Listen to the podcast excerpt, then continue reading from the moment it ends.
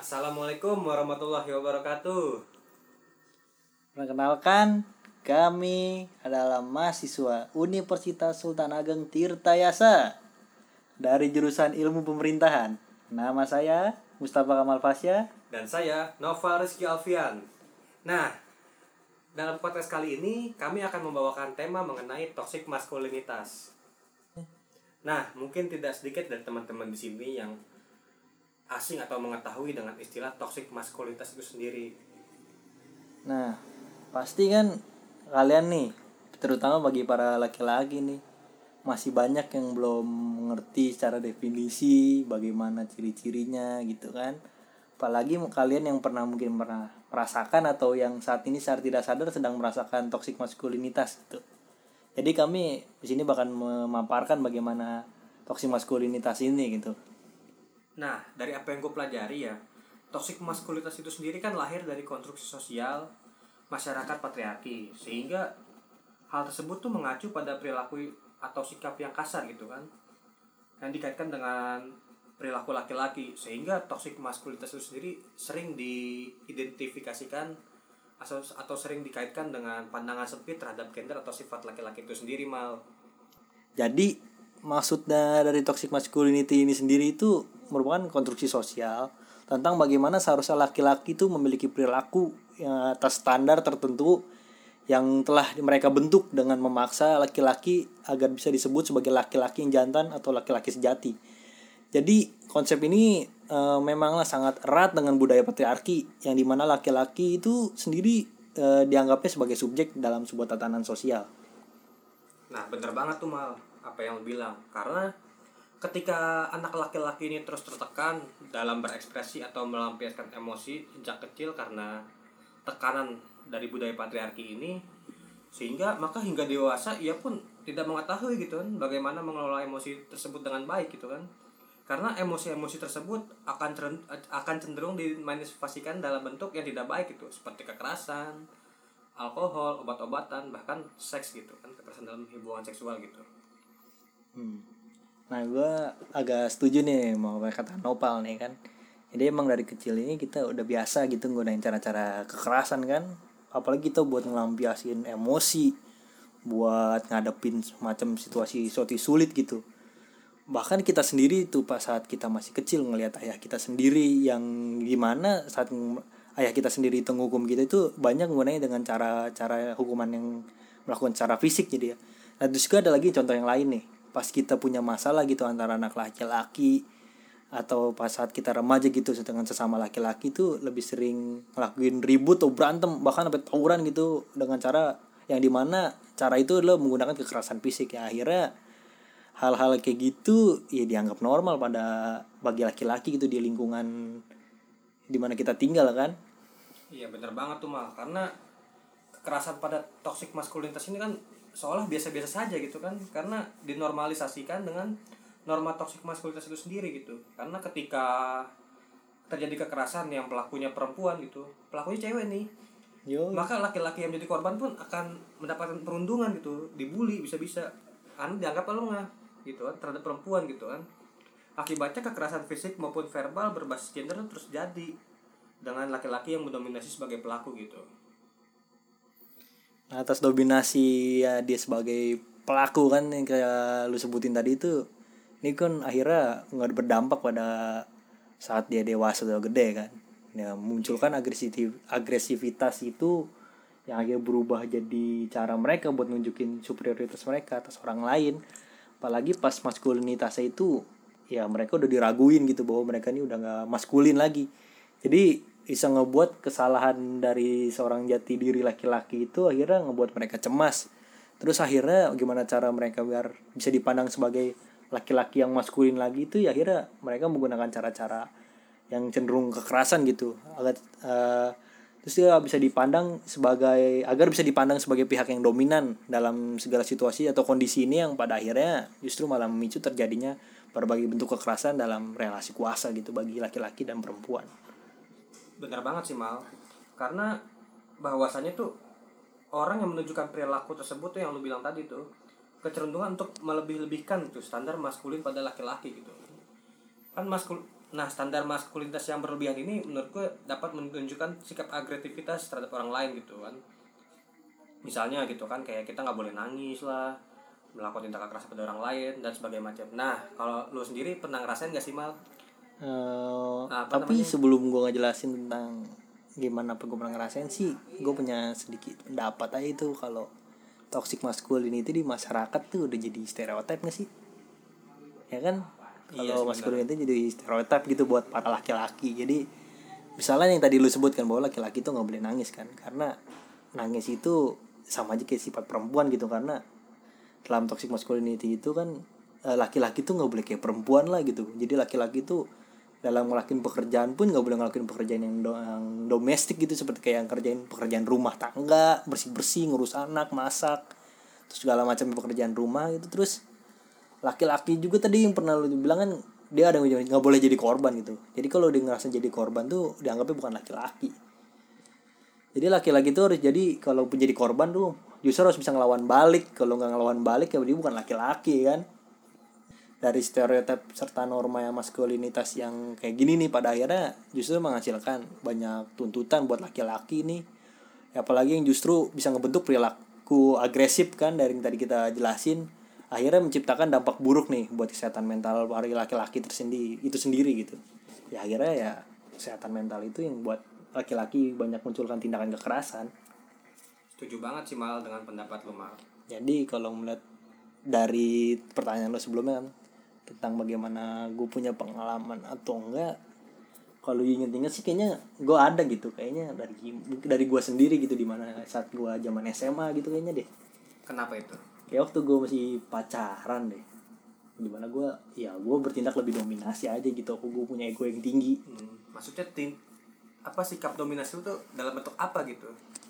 Ya gue mau tuh kalau pacar gue itu selalu nurut sama gue hmm, gue nggak mau kayak nggak mau diatur lah sama, sama seorang perempuan gitu. Saat itu gue berpikir seperti itu. Oh gue laki-laki di mana suatu saat nanti misalnya gue nikah pun sama dia dia gue bakal nafkahin dia. Jadi dia harus nurut sama gue dan menurut gue itu itu sifat toxic masculinity yang saat itu gue rasain gitu. Iya pada saat itu lu menyadari gak sih bahwa lu ini seorang toxic masculinity gitu? Kalau saat itu sih pasti belum lah ya. Justru gue ngerasain lah ya setelah gue putus dari dia akhirnya gue banyak berpikir kan kenapa bisa kok gue diputusin dia? Akhirnya gue sadar kalau gue yang banyak salah gitu. Ternyata itu ada sifat toxic masculinity gitu. Akhirnya memunculkan eh, toxic relationship. Dari hubungan gue nah kalau dari situ gue mau nanya balik nih. Lu ada nggak pengalaman atau mungkin lu pernah jadi korban atau mungkin pengalaman lu sendiri sebagai laki-laki gitu ngerasain toxic masculinity ini kalau gue sih nggak jauh beda dengan lu ya mal ya. Di mana biasa lah masalah cewek gitu kan. Gue dulu pernah curhat ke teman gue gitu sama cowok curhat mengenai hubungan gitu permasalahan hubungan gitu. Di mana pas gue curhat ke dia gue dianggap lu cemen amat sih cowok. iya. lebay gitu iya karena gue galau gitu karena gue hubungan gue sedang renggang pada itu sama cewek gue gitu kan. Karena gue sering main game dan segala macam gitu kan. Gue dianggap cemen amat sih cowok kok galau. Padahal kan gue cuma butuh dukungan, dukungan gitu dan ya. saran dari dia gitu kan. Gue kalau gue digituin justru kan gue malah jadi down sebagai laki-laki gitu menurut kan. gue juga tuh yang kayak gitu tuh yang ngemunculin toxic masculinity sendiri kan. Karena saat lu mau curhat lu lagi sedih lu lagi mau meluapkan emosi justru lu malah dibilang kayak gitu lebay lemah segala macam malah ditunjukin sifat toxic masculinity dia gitu. Akhirnya ngemunculin tiksa- apa sih sifat toxic masculinity-nya di diri lu sendiri. Karena pasti mikir kan iya juga ya kalau gue ini sebenarnya lemah gitu. Masa cuma giniin doang jadi nangis sih. Maksudnya cuma gini doang jadi galau. Kan gue laki-laki gue harus kuat. Jadi pasti lu pasti bakal mikir begitu tuh. Iya bener banget mal dan lagi alhasil dari gue mendem emosi tersebut karena gue saat itu gue menyadari gitu walaupun gue nggak apa namanya bukan seorang toxic maskulinitas tapi gue bisa terbentuk toxic maskulinitas itu bisa terbentuk dari lingkungan gue gitu. Dari pergaulan bisa dari lingkungan yang membesarkan gue itu bisa gitu bahwa Iya. artinya itu bener itu emang emang lingkungan tuh pasti sangat mempengaruhi gitu. Dari pergaulan dari keluarga pasti bakal mempengaruhi banget itu terciptanya toxic maskulinitas pada laki-laki kan. Berdasarkan pen- penjelasan yang lo sampaikan kan bahwa toxic maskulinitas kan bisa terbentuk dari lingkungan gitu kan nah Yoi. gue juga ada nih beberapa teman gitu kan di mana dia ini laki-laki tapi mempunyai sifat yang rada kemayu gitu gitu. Jadi kadang-kadang teman-teman gue dan bahkan gue sendiri pun sering membuli dia gitu karena sifat kemayunya ini gitu kan. Nah menurut pendapat lu itu sendiri tuh gimana tuh? Menanggapi Iya, perbuatan kalau itu. Itu sih udah jelas ya kalau lu sama temen-temen lu itu ya toxic maskulinitas ya. Lo masih mikir bahwa kalau laki-laki yang kelihatan kemayu yang kayak gaya feminis begitu kelihatan lemah jadi ya buat kata lah kayak lu eh, lu sama temen-temen lu tuh orientasi pikirannya bahwa laki-laki itu otot gitu kan tapi ya tapi kalian tuh mungkin nggak pernah ngeliat di balik itu kan apa dia bisa begitu kan? Mungkin aja dia bisa lebih maskulin dari kalian kan? Jadi menurut gue tuh kenapa dia bisa feminim kayak gitu bisa kemayu gitu mungkin kan dari masa lalu gitu. Wah, mungkin dari lingkungan sekitar mungkin waktu kecil dia tuh nggak ada teman laki-lakinya kan akhirnya dia main sama perempuan. Akhirnya gaya dia seperti itu atau dia mungkin punya trauma di masa lalu di mana orang tua atau teman-teman lingkungan sekitarnya ya kasar gitu. Akhirnya dia pikir bahwa kalau gue dengan bertindak maskulin gitu berperilaku maskulin berperilaku kasar bakal dijauhi orang gitu karena dia ngerasain sakitnya dikasarin gitu. Menurut gue sih kayak gitu gitu. Tapi tidak merubah bahwa dia itu maskulin. Mungkin dia lebih maskulin dari kalian. Nah dari ini gue mau nanya balik lagi nih. Terus dari lo nge ngebully orang kayak gitu apa yang lo dapetin gitu? Apa kesenangan apa rasa bangga apa lo merasa jadi lebih laki-laki dari dia gitu biar lo punya pembanding gitu bahwa nih gue orang paling laki. Kalau lu nggak percaya gue lebih laki lu bisa lihat orang itu gitu. Nah kalau apa yang gue rasain pada saat itu sih ya karena gue masih kecil juga ya. Gue menganggap karena gue besar dari lingkungan-lingkungan yang cukup patriarki juga kan Jadi gue menganggap tuh laki-laki tuh emang gak boleh kemayu juga gitu kan. Jadi seakan-akan laki-laki tuh jadi istilah kasarnya kayak banci ya gitu kan. Kita menganggap bahwa laki-laki kemayu tuh ya bukan laki-laki banget lah gitu Bersikap kemayu seperti itu ya itu menunjukkan bahwa dia tuh mempunyai sifat perempuan gitu. Nggak cocok dengan laki-laki itu sendiri gitu. Pada saat itu ya gue merasakan. Jadi pada saat itu padahal dia nggak menggunakan pakaian kayak perempuan kan? Ya enggak sih. Cuma sifatnya aja dan dia juga main dengan perempuan gitu. Ya mungkin memang seperti yang tadi pendapatku bilang kan mungkin dia emang cuman karena takut aja gitu main sama laki-laki. Mungkin karena dia punya trauma masa lalu aja kan jadi dia takut sebenarnya itu dia itu bukannya ini mungkin karena dia takut aja. Iya bisa jadi sih mal apa yang lo sampaikan bahwa mungkin saja sifat feminis yang dia lakukan selama ini berdasar dari besar dari lingkungannya itu gitu. Iya justru itu yang ngebentuk dia feminis adalah lu lupa ada tadi tuh yang ngebully. Pada akhirnya ngebentuk dia jadi sifatnya kayak gitu. Menyambung yang tadi nih kalau ngomongin masalah trauma sama eh, sih itu lingkungan nih ada nih. Di mana biasanya kan yang suka jadi korban kekerasan secara seksual sama fisik itu kan biasanya perempuan ya tapi gimana kalau ada kondisinya dibalik gitu? Kalau laki-laki jadi korban kekerasan secara seksual dan fisik itu terus bagaimana pandangan seorang laki-laki terhadap masalah tersebut? Ya kalau menurut gua sendiri memang bener sih di Indonesia sendiri tuh jika laki-laki dianggap sebagai korban tuh adalah hal yang aneh gitu. Masa laki-laki kok korban gitu kan? Karena terlebih pelecehan seksual gitu kan? Misalnya misal laki-laki itu diperkosa kan aneh banget gitu. Laki-laki karena diperkosa kan kalau secara apa sih pendapat tadi yang kita jelasin dengan toxic masculinity itu kan bahwa laki-laki itu mempunyai orientasi seksual kan? Jadi mungkin kalau dia dilecehin secara seksual ya masa dia marah-marah gitu masa-masa dia ngelawan gitu. Iya bener banget. Apalagi banyak orang yang menganggap bahwa ketika pelecehan ini dilakukan terhadap laki-laki atau korbannya laki-laki justru dianggap ya dia juga menikmati. Ini hal yang menarik ya karena bisa saja pelecehan seksual ini mengakibatkan trauma pada laki-laki tersebut gitu. Hingga di trauma terhadap perempuan yang menjadikan dia justru homoseksual. Ya itu ya akhirnya toxic masculinity yang tercipta itu karena trauma yang didapat dari dia gitu akhirnya mengganggu kesehatan mental dia juga kan? Bener banget sih mal. Karena banyak kan laki-laki yang trauma akibat masa lalu ataupun peristiwa-peristiwa tertentu itu biasanya cenderung akan lari ke arah-arah yang seperti minum-minuman beralkohol gitu minuman keras obat-obatan dan narkotika sehingga mereka melampiaskan emosi-emosi tersebut terhadap barang-barang haram tersebut gitu uh, mungkin kenapa dia mereka mereka lari ke arah-arah itu ke barang-barang tersebut mungkin karena mereka tidak bisa cerita gitu kan. Karena saat mereka cerita apalagi posisi dia laki-laki gitu mereka selalu dianggap oh ya ya masa sih laki-laki dibuat begitu aja harus marah-marah harus nangis? Kan selalu ada stereotip kayak gitu tuh bahwa laki-laki tuh ya tadi di kita jelaskan berulang-ulang bahwa laki-laki tuh adalah orang yang kuat. Jadi saat mereka cerita mereka selalu dihadapi perundungan. Ya pada akhirnya dibandingkan mereka cerita mending mereka mencari pelampiasan gitu buat melupain masalah mereka ya akhirnya narkoba minum minuman keras. Atau ya atau bahkan mereka mencari lingkungan baru kan pertemanan-temanan baru yang tapi bahkan tidak membawa mereka ke arah yang lebih baik gitu. Seperti yang sebelumnya teman saya sampaikan bahwa pada akhirnya toxic maskulinitas itu sendiri kan dapat menyebabkan gangguan kesehatan mental gitu bagi laki-laki karena beban yang ditanggung atas standar-standar maskulinitas yang salah atau berlebihan ini, yang mereka anggap bentuk sebagai laki-laki sejati ini tidak dapat dipenuhi gitu. Sehingga ketika seorang laki-laki tidak dapat memenuhi standar-standar tersebut juga mereka akan depresi gitu kan. Bahkan dalam kasus yang lebih parah dapat menyebabkan tindakan bunuh diri gitu. Nah, oleh karena itu kan kita nih ya, eh, sebagai laki-laki harus bisa sadar gitu akan gangguan kesehatan mental dari toxic masculinity ini kan. Apalagi kita ini seorang yang termasuk toxic masculinity atau enggaknya kita kan nggak tahu ya. Jadi kita harus sadar harus introspeksi diri gitu.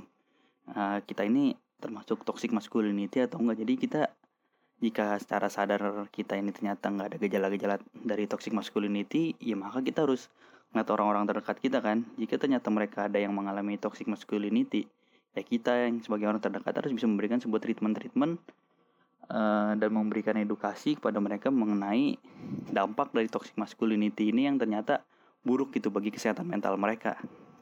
Mungkin tidak sedikit dari teman-teman di sini yang kesulitan dalam menghadapi perilaku toxic masculinity ini. Oleh karena itu, kami akan memberikan beberapa tips yang kali aja berguna gitu kan dalam menghadapi perilaku-perilaku tersebut gitu.